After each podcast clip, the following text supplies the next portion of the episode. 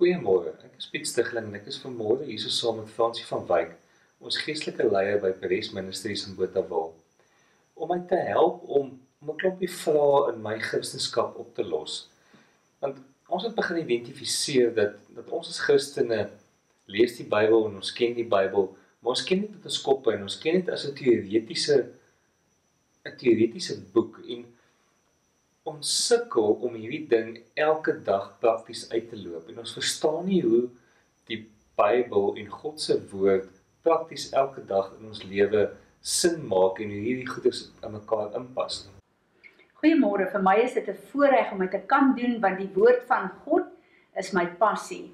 En uh, as ek kyk na ons lewens, dan besef ek dat ons lewens uh, behoort eintlik baie minder gekompliseer te wees as wat dit op hierdie oomblik is as ons weet wat in die woord van God staan en as ons weet wat die krag van sy woord is en die krag van ons woorde is.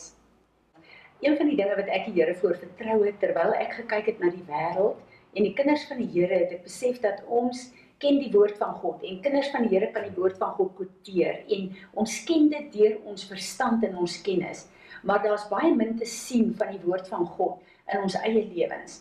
En ek het vir die Here gevra, Here, ek wil graag u woord praktiseer.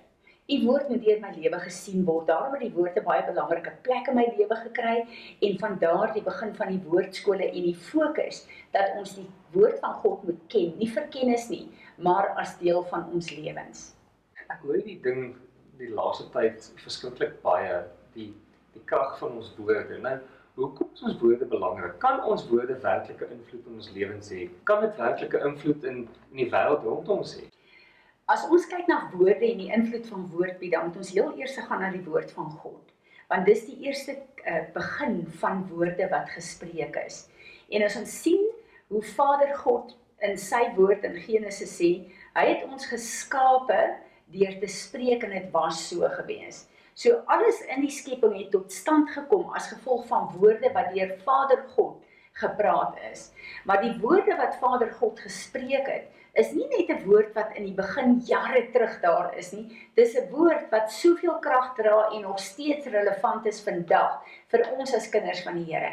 En daarom het ons die geskrewe woord van God vandag maar die geskrewe woord van God vir ons mag nie 'n geskrewe woord bly nie want dan sit net kennis.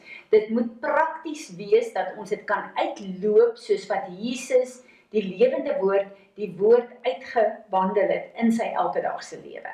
So dit is die krag van God se woord, maar as ons kyk na die krag van God se woord, dan moet ons weet dat die woord sê ons is in sy beeld en gelykenis geskape wat beteken dat alles wat God gedoen het, moet ek en jy ook doen. En daarom bring dit my en jou vandag by ons woorde is verskriklik belangrik want dit het 'n groot krag positief en negatief. Nou wat gebeur dan as ons ydelle woorde spreek soos wat die Bybel daarvan sê? Wat wat is dit? Dis 'n baie interessante vraag want ek dink ons gebruik soveel ydel woorde dat ons dit nie eens agterkom nie en dit is die rede vir baie 'n uh, 'n uh, verwarring in ons lewe en baie goed in ons lewe wat skeefloop. Maar kom ons kyk wat sê die woord van God van die krag van ons woorde. So nou kom ons by ons woorde wat deur ons mond gespreek word, nie net die krag van die woord van God nie, maar die woord van God sê vir ons in Spreuke 18 en dis 'n baie bekende skrif en mense kwoteer dit so maklik maar ons kwoteer die woord, maar dit nie regtig die effek wat dit behoort te hê in ons lewe nie. Die woord sê in Spreuke 18 vers ehm uh, 20, die vrug van iemand se mond word sy van die vrug van iemand se mond word sy maag versadig. Hy word versadig van die opbrengs van sy lippe. Dood en lewe is in die mag van die tong en elkeen wat dit graag gebruik sal die vrug daarvan eet. Hier sê die woord van God vir ons duidelik dat elke woord wat ek en jy spreek dra 'n vrug. So as ek kom en ek kom bou jou op vandag hier met my woorde, dan dit 'n vrug want as ek hier uitstap, gaan jy bemoedig voel, jy gaan opgebou voel. Maar as ek hier inkom vandag en ek kritiseer jou en ek uh, uh, gebruik woorde om jou af te kraak en af te breek, gaan ek by hierdie deur uitloop en jy gaan op 'n verloor plek wees. Jy gaan voel dat jy niks waard, waarde het nie. So die woorde wat ek en jy sê, die krag om ons eie lewe se waarde te bepaal of dit af te breek. Net so het ander mense se woorde die krag om 'n effek in ons lewe te gee om ons woorde uh, ons lewens af te breek of op te bou. En daarom is dit vir my so belangrik as ons kyk in 'n gesinssituasie waar die Here die rol van die huisgesin, die rol van die pappa, die rol van die mamma en die rol van die kinders gee. Nou as ons kyk na die rol wat God bepaal het, 'n pa moet in 'n familie hê. Dan sê die woord van God, 'n pa is daar om met sy woorde en sy gedrag en sy optrede waarde te gee aan die mamma, sy vrou en ook aan die kinders. En dan dink ek, "Sjoe, hoe belangrik is dit net nie?" So jy wat byvoorbeeld pa is van jou twee kinders, jou werk volgens God se woord is om vir jou vrou op te bou, vir haar te bid met jou woorde, vir haar letterlik te vestig in die waarde wat Vader God haar geskape het.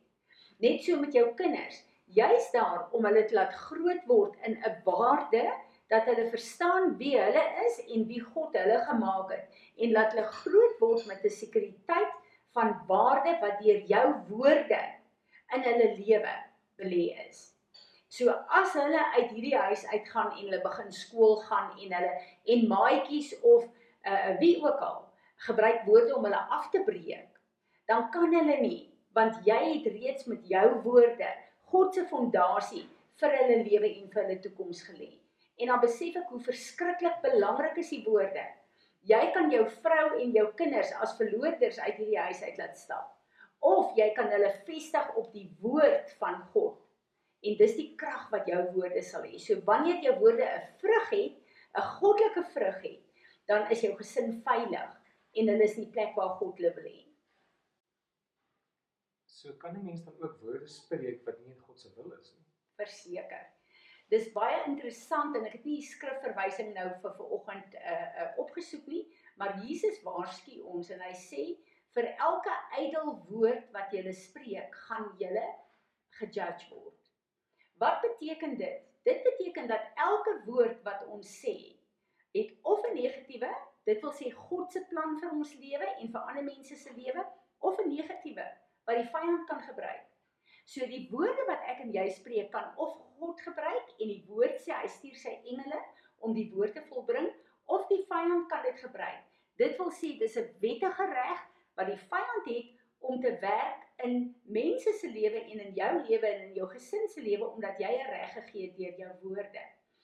Uh as ons kyk na Romeine uh uh 6 vers 13 en 14, dan sê Paulus vir die Romeine terwyl hy hierdie brief vir hulle skryf: Elke woord wat jy sê, gaan 'n vrug dra. Dit gaan 'n wapen wees van geregtigheid. Dit wil sê woorde wees waarmee God kan werk of 'n wapen van ongeregtigheid. Dit wil sê woorde wees wat die vyand mee kan werk, so wat 'n wettige reg vir hom gee. En dan sê Paulus, moet dan nie julle ledemate gee as wapens van verderf nie. So wat ek en jy doen met ons woorde, ons gee of vir God toestemming om op aarde sy engele te stuur om die woord wat deur ons gaan te volbring of ons gee vir die duiwel die reg om te sê Ek gee woorde wat jy in vervulling kan bring in my lewe of in 'n uh, uh, my gesin se lewe of in ander mense se lewe. So die krag van hierdie woorde is verskriklik belangrik en dis of negatief of dis positief volgens dit wat God ons geskaap het hier op aarde. Nou ek hoor baie hierdie ding so wat ek rondgaan en met mense gesels en die boeke wat ek lees en wat ek sien, die sogenaamde positive thinking en dit wil ons dan net gesels het. Ek meen positive thinking, dit klink na verskriklike goeie woorde en goed, maar is dit noodwendig God se wil en en wat is die verskil tussen om God se wil te praat teenoor positive thinking? Dis 'n baie interessante vraag. Positive thinking is niks anders. Dit is letterlik 'n 'n word vandag erken ook as 'n new age term wat vir jou instel om positief te praat en positiewe dinge te doen om jouself, jou lewe te laat inrig op 'n positiewe manier. So positive thinking word gelei na jou sielsdimensie en jou opinie oor jouself en ander mense se opinie oor jouself. So jy bou jouself op deur positive thinking om jouself te sien as 'n goeie mens maar weg van God se krag af. Die verskil tussen positive thinking en die woord van God is so radikaal. Die woord van God, as ek kom en ek sê vir jou, uh, uh, Piet, uh, uh, ek seën jou in die naam van Jesus Christus is ek direk gekoppel aan die woord van God, die krag van God, die openbaring van Vader, Seun en Heilige Gees. Wanneer ek kom en ek gehoorsaam is aan God om jou te seën met my woorde en om te praat volgens die woorde wat God se gedagtes vir jou lewe is, dan is ek besig om jou direk te koppel aan die Skepper en aan die krag wat hy dan uh uh, uh in jou lewe uh uh ontbind. So positive thinking gaan baie oor die mens en sy eie vermoë en jou eie vermoë om jou lewe in te rig en oor jouself goeie gedagtes te dink en dan jou lewe volgens dit in te rig. Waar die uh, krag van God se woord direk gekoppel is aan God en aan sy woord. En 'n skrif wat vir my geweldig belangrik hier is, is Jesaja 55 vers 11 waar die Here sê: "Wanneer my woord uit jou mond uitgaan, dan sal ek God sorg dat daai woord volbring word en dat dit nie leeg sal terugkeer nie. So wanneer ek 'n woord by die Here kry en ek spreek dit uit in jou lewe of ek bid dit in jou lewe in, dan kom God en hy sê, jy het nou daai woord van my uit jou mond uit laat uitgaan vir Piet se lewe, maar ek God gaan daai woord self volbring. Dit sal bereik presies waartoe jy dit gestuur het. Dit wil sê ek sal daai woord in vervulling bring in Piet se lewe en in sy toekoms volgens my plan vir sy lewe. Ek sit en dink en ek dink terug aan my lewe. Ek meen ek het soveel woorde in my lewe al gespreek, ander mense gekritiseer, vuil woorde, vuil grappe, gevloek, um bilant gekritiseer is daar iets wat 'n mens omtrent hierdie woorde kan doen wat ons nou uitgespreek het wat die vyand kan gebruik as 'n wettige reg? Dit is die wonderlikste wonderlikste woord en oplossing vir my en vir jou. Ek en jy is nie oorgelewer aan ons eie luste en ons eie sondige natuur nie. Jesus het vir ons gesterf en daarom het ons sy bloed en die afgehandelde werk op Golgotha om elke keer as ek en jy gesondig het en verkeerde woorde gespreek het na hom toe te gaan en daarmee te deel. En wanneer ek en jy vergifnis vra, dan kom die bloed van Jesus na vore en hy kom kanselleer en hy kom was daai woorde weg. So as ons kyk na woorde wat gespreek is, as ons byvoorbeeld kyk na Vader God se woord wat hy gespreek het in die begin van die skepping. Daai woord werk nog al die tyd want daar word nog steeds 'n uh, uh, universe is geskep. Daar word nog steeds sterre geskep. Daar word nog steeds Verstaan jy, daai woorde stop nie. So my en jou verkeerde woorde stop ook nie. Maar ek en jy kan dit stop deur die bloed van Jesus. So kom ons bid en ons bring dit voor die Here. Vader, ons kom vandag voor U en ons wil vir U dankie sê vir U woord. U woord wat die waarheid is. Johannes 8 vers 32 sê, ons sal die waarheid ken en die kennis van die waarheid sal ons vrymaak van die bindinge van die wêreld en van die vyand. So ons wil ver oggend voor U kom en ons wil kom bely elke ydelle woord wat ons gebruik het. Elke woord wat ons ander mense veroordeel het. Elke woord wat ons onsself mee veroordeel het. Elke woord wat ons gekritiseer het. Elke woord Here waar ons mense uh, se waarde afgebreek het elke woord wat ons gesê het Here om u in u woord te uh, te na te kom om Heilige Gees te bedroef. Ons wil ver oggend kom vergifnis vra daarvoor. Here, ons wil vir u vra dat u asseblief deur u genade ons sal vergewe, maar dat u nou u Heilige Gees vuur stuur om al die woorde wat rondom ons hang, wat ons in sonde uitgespreek het, om hierdie woorde asseblief te kanselleer en te vernietig dat die effek van hulle in hierdie dag stop.